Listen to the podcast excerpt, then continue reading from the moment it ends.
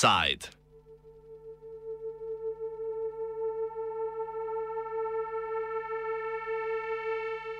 Kolodvorska 2 na 2.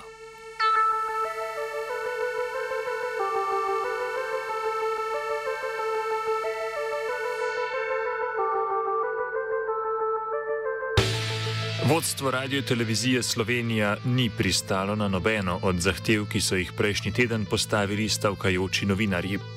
Takrat so z opozorilno stavko zahtevali novinarsko, uredniško in institucionalno avtonomijo, umik škodljivih sklepov programskega sveta, dogovor o kadrovski politiki in pogajanja o dvigu najnižjih plač na RTV, socialni dialog in plačano stavko.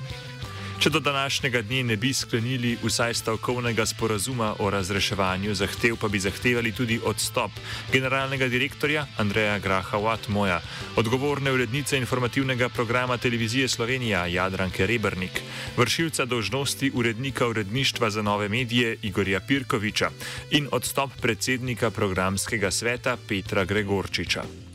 V petek so se z vodstvom dogovorili zgolj o poslovniku za vodenje pogajanj o stavkovnih zahtevah, prihodnji petek pa se bodo tako prvič vsebinsko pogajali o novinarski avtonomiji na RTV.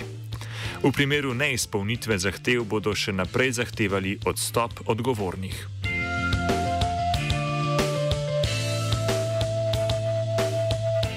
Programski svet RTV je pred enim tednom že podal soglasje k spremembi programsko-produkcijskega načrta in spremenjeni programski schemi televizije, po kateri bo nova informativna oddaja Panorama na sporedu drugega programa televizije vsak delavnik med 8 in 9 zvečer, začetkom danes.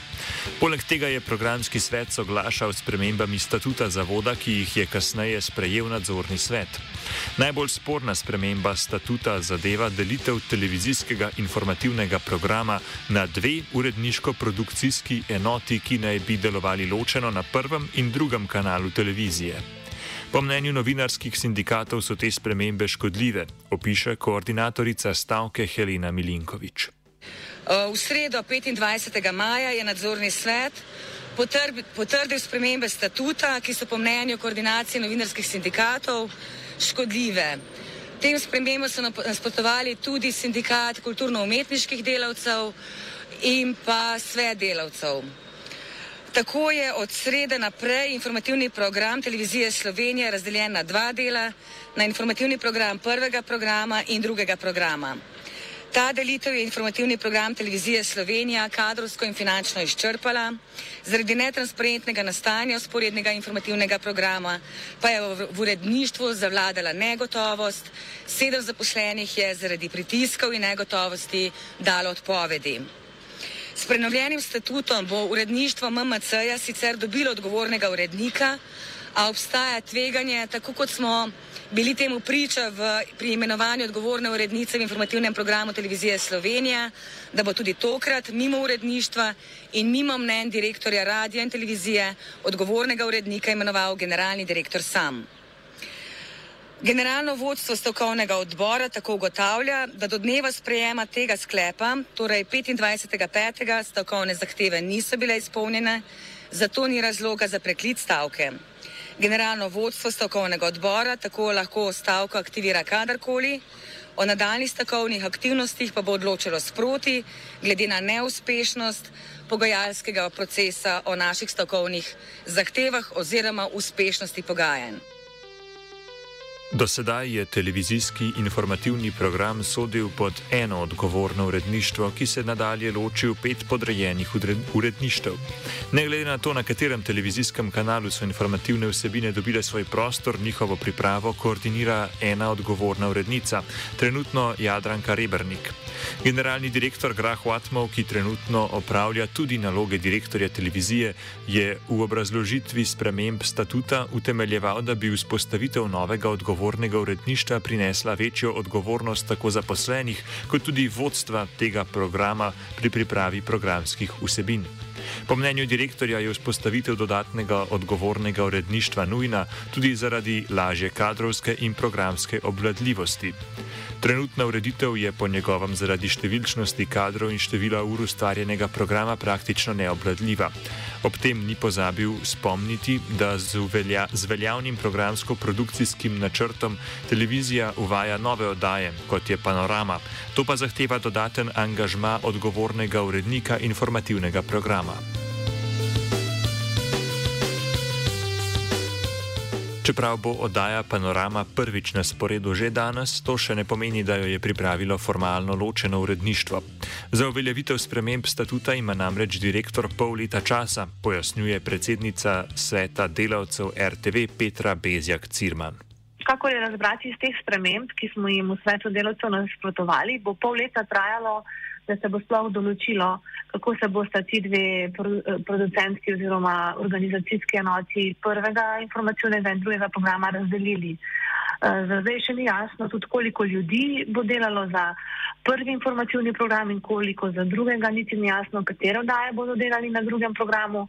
Uh, zato imajo po statutu se te določbe pol leta v bistvu uveljavljajo na RTV Slovenija in pričakujemo v prihodnje več informacij. Kot rečeno, pa je svet delavcev tej spremembi statuta nasprotoval. Je kot celota je bil svet delavcev proti spremembi statuta. Tudi iz uh, uredništva in trenutnega informacijnega programa, ki je samo eden, um, je bilo veliko pripomb, da zaposleni nasprotujejo temu, tudi nekatere urednice so temu nasprotovale. V obrazložitvi sprememb statuta direktor sicer ni pojasnil, koliko zaposlenih ne bi imelo novo informativno uredništvo drugega programa. Upam, da bo uspelo tega pol leta tudi tehno utemeljiti, tudi na račun tega, da bo res uh, ta enota na prvem programu, informativni program, imela manj zaposlenih, kar je njihov glavni razlog, da so se odločili še za uh, uredništvo informativnega programa na drugem programu TV Slovenija. Za zdaj pa nimamo podatkov, ali bo recimo v tej enoti na drugem programu vem, 40, 10 uh, zaposlenih ali bo 50 in potem zmanjšano 90 recimo na prvem, ne? ker so pač utemeljevali s tem, koliko ljudi je zaposlenih v posameznih uredništvih in da je uredništvo prvega. Ponovem, no, še zmeraj je obstoječe uredništvo na prvem programu, zelo uh, veliko zaposlenih ima in so zato tudi šli v to razdelitev. Glavni razlog za novinarsko nasprotovanje spremembam statuta in ustanovitvi novega odgovornega uredništva je prav morebitno zmanjševanje števila zaposlenih v trenutnem informativnem uredništvu. Zdaj so pač prišli pomisleki, da že trenutno ni v informativnem programu dovolj zaposlenih, da bi upravljali tekoča dela. Zato so zelo zaskrbljeni, eh, da bi bilo potem še manj ljudi, če bi jih prenesli iz prvega informativnega na drugega.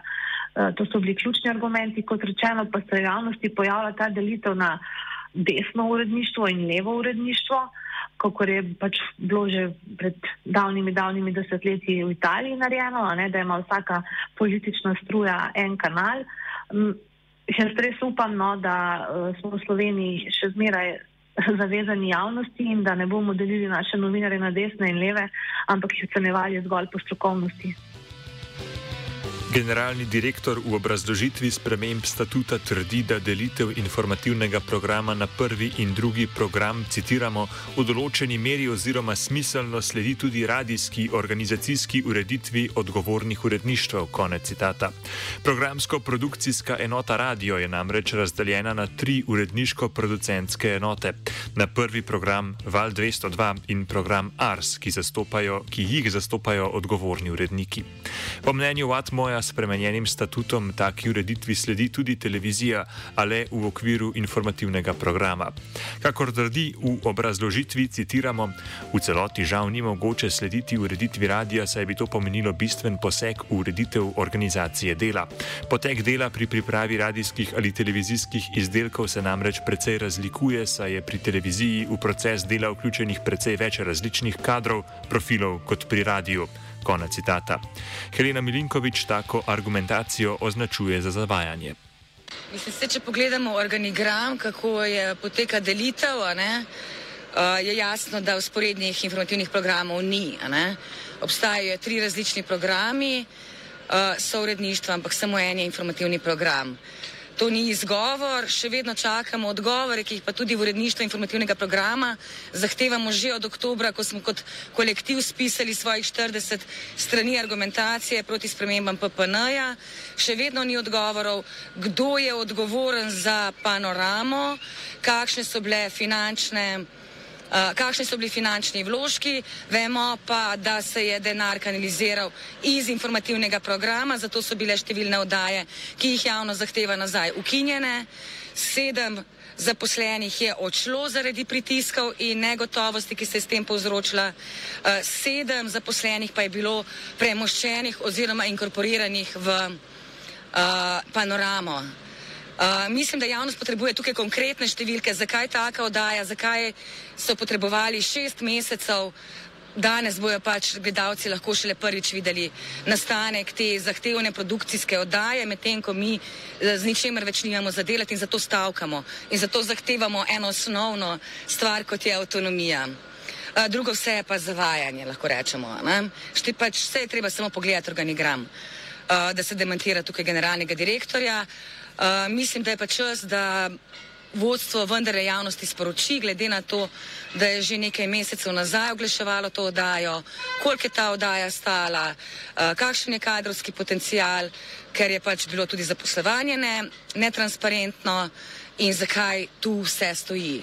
Govorimo o prvem programu, ki je postal neka farsa. Eh, kar smo pač videli tudi v času predvoljivnega boja, da je celo središče se upletlo in dalo začasno odredbo, da je bila omejevana uh, politična pluralnost na javni radio televiziji v času predvoljivne kampanje.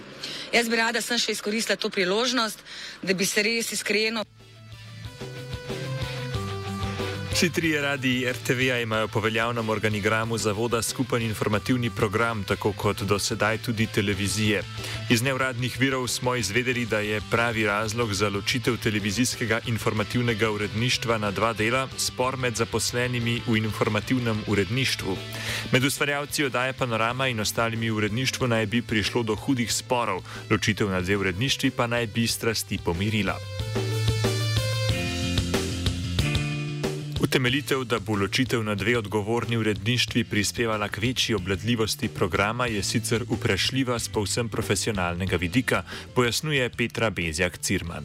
Vse v bistvu resne medijske hiše grejo v integrirane deske, ne, da se združujejo, mi jih pa še dodatno delimo, uh, kar tudi z vidika ekonomičnosti in procesa nekega dela zagotovo ni najbolj pametna odločitev, ne, da imaš več različnih deskov, uh, kjer se pa potem pač podvajajo informacije.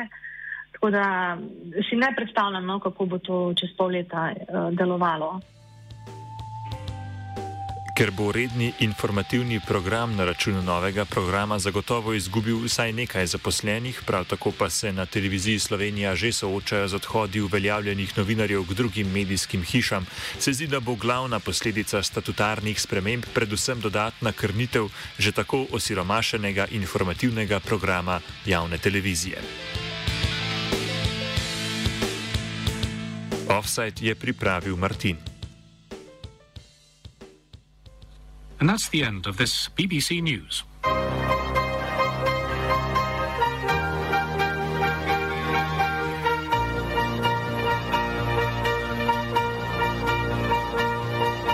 Edini radio za gluhe ta moment je radio študent.